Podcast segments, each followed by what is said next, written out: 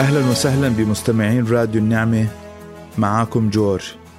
اليوم بالحلقة الثانية عشر من الموسم الأول سأناقش المرحلة السادسة من تطوير شخصية الخادم التي تدعى مرحلة التكليل أو الاحتفال.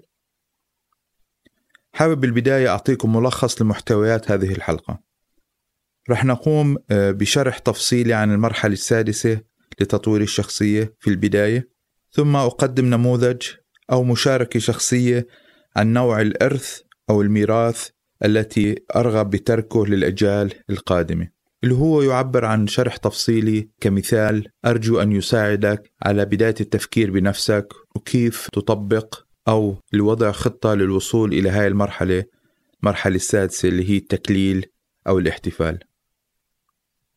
أهلا وسهلا بمستمعينا الكرام بالحلقة الثالثة عشر من الموسم الأول وهي الحلقة الأخيرة من هذا الموسم حلقة بعنوان البحث عن المرشد.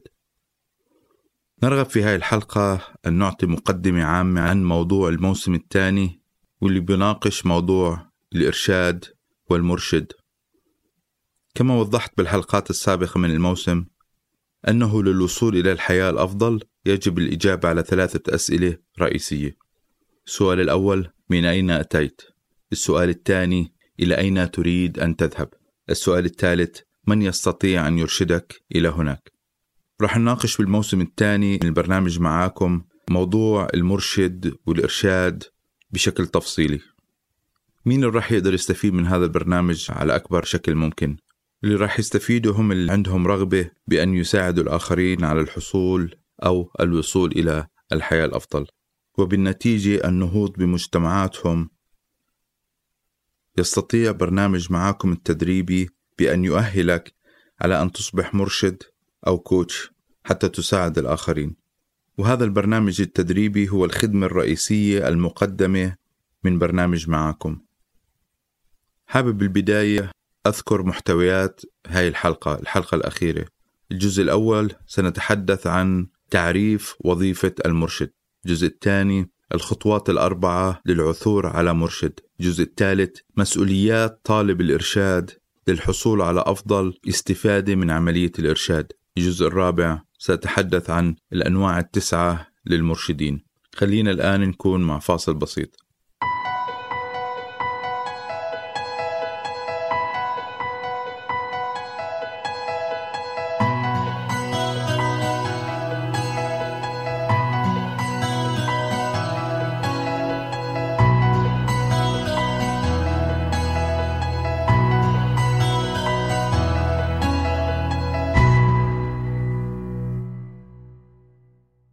أهلا وسهلا فيكم معاكم جورج. بهاي المرحلة حابب أتحدث عن تعريف وظيفة المرشد. وظيفة المرشد هي توجيه طالب الإرشاد إلى الموارد والمصادر المتاحة إن كانت بشرية أو مادية ليتمكن طالب الإرشاد من النمو بشخصيته ومعرفته ومهاراته ليزيد من تأثيره وفعاليته بحياته الشخصية وبأسرته وبالتأثير بالمجتمع ككل. وأحب أن أذكر أن مصطلح الإرشاد لديه عدة مرادفات مثل المشير، المرشد، المتلمذ، المدرب، المعلم، الموجه، الكوتش إلى آخره. رح نتحدث أكثر عن وظائف المرشد وأنواعه من خلال التحدث عن تسع أنواع للمرشدين. أما الآن مع الخطوات الأربعة للعثور على مرشد. عملية العثور على مرشد يساعدك على تحقيق أهدافك تتم على أربع مراحل. المرحلة الأولى هو تعريف علاقة الإرشاد اللي بتمثل فهم لهاي العلاقة أهدافها توجهاتها من هو المرشد كيف تتم عملية الإرشاد. يجب التأمل بهذه الأسئلة في بداية البحث حتى تتعرف على ما تريد ما نوع العلاقة مع المرشد ما الذي ترغب بتحقيقه من خلال هذه العلاقة. المرحلة الثانية ما نوع المرشد الذي تبحث عنه لتلبية احتياجاتك بناء على شخصيتك وظروفك الحالية. واللي بيساعد على هذا الموضوع هو الاطلاع على الأنواع التسعة للمرشدين اللي بيخليك تميز بين الأنواع المختلفة وتحدد إيش نوع المرشد اللي أنت بتحتاجه لتحقيق أهدافك. الخطوة الثالثة هو التعرف على وتحديد المرشد شخص يستطيع أن يساعدك على تحقيق هذه الأهداف. من خلال النظر إلى الشخصيات الموجودة حولك أو الشخصيات الممكن الاتصال بها. الجزء الرابع طلب الحصول على الإرشاد. هي أنك تكون علاقة شخصية وتتحدثوا باحتياجك لمساعدة أو لإرشاد في موضوع معين. نوع الأهداف اللي أنت بتبحث عنها وكيف بإمكانه أن يساعدك للوصول إلى أهدافك.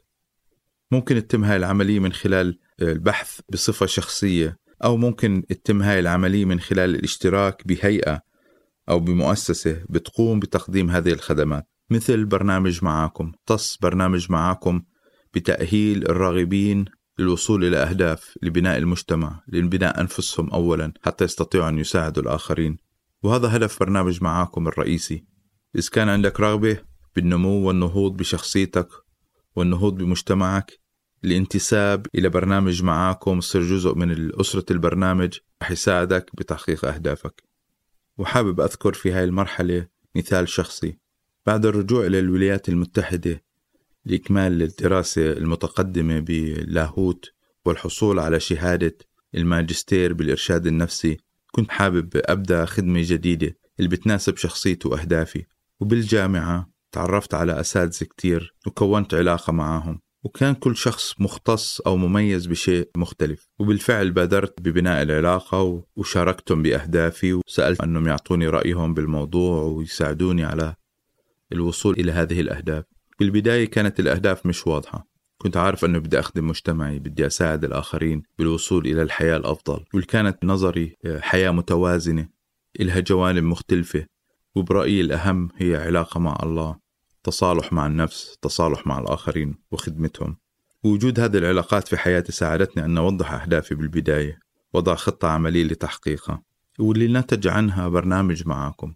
كان هذا هو التطور الطبيعي للأحداث بعد ما فهمت أنا إيش بدي إيش إيجابياتي وإيش سلبياتي وعلى إيش لازم أشتغل وكيف بإمكاني أخدم مجتمعي وساعد الآخرين.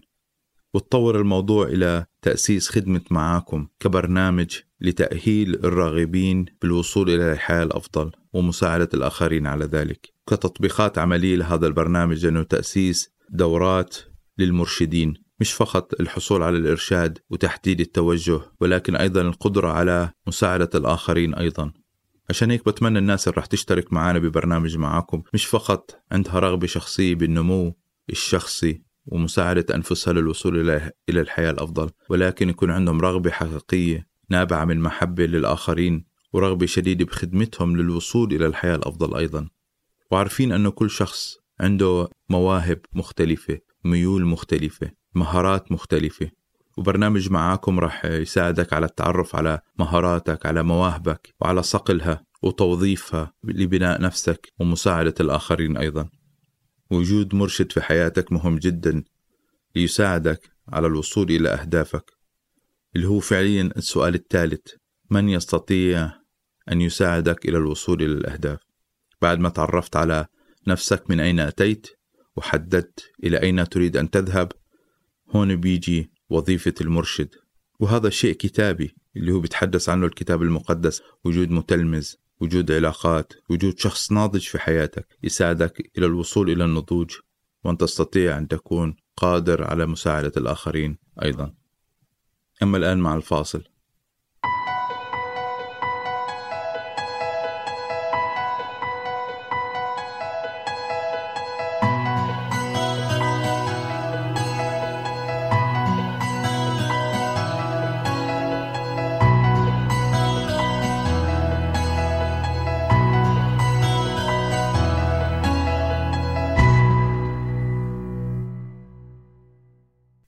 أهلا وسهلا فيكم مرة تانية. حان الوقت التحدث عن مسؤوليات طالب الإرشاد بعملية توجيه أو الإرشاد.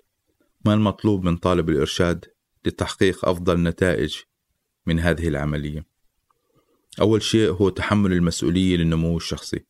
كل شخص هو مسؤول أمام الله عن الموارد والمواهب المعطاة له إن كانت من قدرات أو مواهب أو موارد زي ما بقول الكتاب المقدس الأمين بالقليل أمين بالكثير. أو حتى الأمين بالقليل يعطى الكثير. بعد ما تحملت المسؤولية الشخصية لنموك الشيء الثاني المطلوب منك هو تكوين فهم لكيفية تدخل الله في عملية التوجيه. أنه يكون عندك إحساس وتنصت لتسمع صوت الله من خلال هذه العملية. لتكوين فهم لطبيعة التغييرات التي يجب أن تتم في حياتك الشخصية. ونوع المهارات اللي يجب أن تكتسبها في حياتك لتحقيق إرادته. الله يحاول أن يتواصل معك يوجهك نحو الأمور التي يجب تغييرها بشخصيتك وبحط بحياتك فرص للتغيير ولإكتساب المهارات اللي أنت محتاجها حتى تكون شخص فعال في حياتك.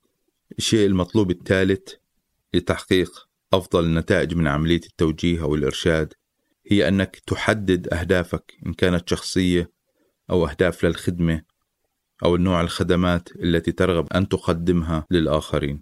رابعا اختيار المرشدين اللي بتناسبوا مع أهدافك الشخصية. خامسا المحافظة على نفسية المتعلم اللي بتتطلب منك التواضع طلب النصح والإرشاد وكيفية تطبيقها عمليا. سادسا الاستمرار بالثقة بالله رغم التحديات. عملية الإرشاد أو علاقة الإرشاد تنمو مع التجارب والثقة المستمرة بتوقيت الله. عدم الشعور بالإحباط عندما تكون الأبواب مغلقة أو عندما لا تتوفر الموارد المطلوبة للنجاح إن كانت مادية أو معنوية هو الثقة بالله وعدم الاستسلام. حان الوقت بحلقتنا أن نتحدث عن تسع أنواع من المرشدين أو المدربين. تعرف على هاي الأنواع رح يساعدنا أن نميز نوع الشخص أو وظيفة الشخص اللي إحنا محتاجينه في حياتنا لتحقيق الأهداف لنمو شخصيتنا حتى نكون قادرين أن نساعد الآخرين. النوع الأول هو المتلمذ الروحي وهاي الشخصية بيكون لديها خبرة بالأمور الروحية ولديه معرفة أو لديها معرفة كتابية يمكنه الاعتناء بحديثي الإيمان مساعدتهم للنمو بشخصيتهم وأيضا على تغيير تصرفاتهم. بعتقد أنه هذا الشخص هو مناسب للناس الحديثي الإيمان. محتاجين شخص يقدر يعلم يساعد على التطبيقات العملية. النوع الثاني الرفيق الروحي. والفرق ما بين النوع الأول والنوع الثاني النوع الأول كمعلم مع تلميذ. النوع الثاني اللي هو المرشد الروحي هو أخ مع أخوه أخت مع أختها. ما بيأخذ دور السلطة أكثر ما هو المشاركة والتشجيع. تتميز العلاقة بأنها أكثر شخصية وبيها عنصر المشاركة. وحتى إعطاء الحساب المحاسبة بيسألك عن أمورك الشخصية. النوع الثالث المدرب. المدرب هو شخص محترف بمهارة ما لديه القدرة على التعليم هذه المهارة للآخرين. النوع الرابع المشير. اللي هو شخص يمكنك اللجوء إليه في وقت الاحتياج. شخص يسمع لك تكون شاعر بأمان معه أو معها. تتحدث بالتفاصيل تفتح قلبك. وهذا الشخص يكون قادر بسبب خبرته ومعرفته على إعطائك النصح. النوع الخامس المعلم. هذا الشخص بيتميز أنه عنده معرفة عميقة بموضوع ما تفصيلية. بإمكانه أن يوصل لك معلومات. بإمكانه أن يساعدك على التمييز على المقارنة على البحث عن إيجابيات وسلبيات بموقف ما اللي هي بتمثل شخصية المعلم. سادسا شخصية المعرف أو الكفيل أو المقدم اللي بيكون دوره في حياتك أنه يساعدك على التعرف على الآخرين. يقدمك لمجتمعه. وعادة بيكون هذا الشخص عنده مركز اجتماعي مرموق. الناس بتثق فيه وبتحترمه. سابعا شخصية النجم. بتكون شخصية معاصرة. هو شخص مهم جدا بمهاراته. معروف لدى الكثيرين. يقوم بإرشادك بطريقة غير مباشرة. بدون ما يكون عندك علاقة شخصية معه. من خلال الاستماع له متابعة حياته قراءة كتبه النظر في حياته بشكل تفصيلي حتى ترى أولوياته. طريقة تعامله وكيف وصل للي هو فيه. النوع الثامن اللي هو شخصية تاريخية. شخص عاش حياته بطريقة مؤثرة وترك أثر كبير في حياة الآخرين. يمكنك القراءة عنه وتعلم دروس من خلال حياته. تاسعا شخصيات روحية تظهر في حياتك في مرحلة ما. الله يضعها في طريقك حتى تعلمك درس أو تساعدك على اجتياز مرحلة ما أو مساعدتك على أخذ قرار ما. هي شخصية معاصرة بس تظهر فجأة وممكن العلاقة تنتهي بشكل سريع. مجرد أنه تفكر بتسع شخصيات وأنواعها حتى تميز إيه نوع المرشد أو المشير أو الموجه أو المتلمذ اللي أنت بتحتاجه.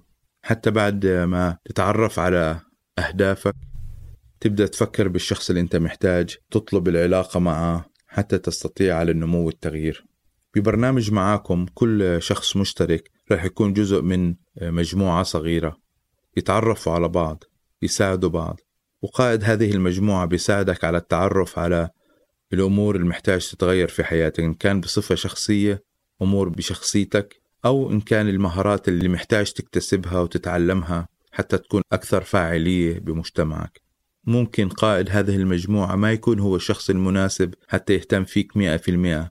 على الأقل يمكنه أنه يساعدك على الوصول والتعرف على أشخاص آخرين بالبرنامج مناسبين لاحتياجك. مرات كتير بنشعر أنه ما في حدا بإمكانه يساعدنا. ما في مرشد يستطيع أن ينقذنا ويساعدنا على الوصول إلى الأهداف. بس هذا الشيء غير حقيقي. انظر حولك. أي شخص بحياتك ممكن تستفيد منه تتعلم منه دروس إذا كان عندك التواضع والتمييز والتدقيق. ممكن أنك تشعر أنه مش مرشد واحد ممكن يلبي لك كافة الاحتياجات. وهذا متوقع. كل شخص فينا محتاج شخصيات مختلفة بحياته حسب مرحلة النمو اللي هو فيها. وجود مرشد في حياتك أو كوتش أو مدرب أو موجه هي مش شيء من اختراع البشر. هي شيء كتابي واحتياج الله وضعه في أنفس الجنس البشري. ما بنقدر نعيش لوحدنا بدون ما نكون علاقات. عشان هيك محتاجين أن نشجع بعض. في نهاية هذا الموسم في نهاية هاي الحلقة الحلقة الأخيرة حابب أشكركم لمتابعتكم للموسم الأول وأدعوكم أنكم تكونوا معنا في الموسم الثاني اللي رح نتحدث من خلاله بطبيعة المرشد والمهارات اللي لازم يكتسبها حتى يكون شخص فعال بعملية الإرشاد. إلى أن نلتقي الرب يبارككم ويكون معكم. للحصول على ملخص هذه الحلقة والأدوات المساعدة الرجاء آه، زيارة آه، المكتبة الإلكترونية الخاصة بموقع معاكم على الرابط التالي ma33a.com أو ma رقم ثلاثة رقم ثلاثة a نقطة com. لا تنسوا المساهمة بدعم البرنامج وكل فقرات راديو النعمة على برامج التواصل الاجتماعي من خلال ال share وال like. نحن نرحب بكل تعليقاتكم وأسئلتكم على هاي الحلقة وكل حلقات البرنامج. أفضل مكان للتواصل معنا هو صفحتي الخاصة على الفيسبوك. رجاء البحث باللغة العربية عن برنامج معاكم إلى اللقاء في الحلقة القادمة.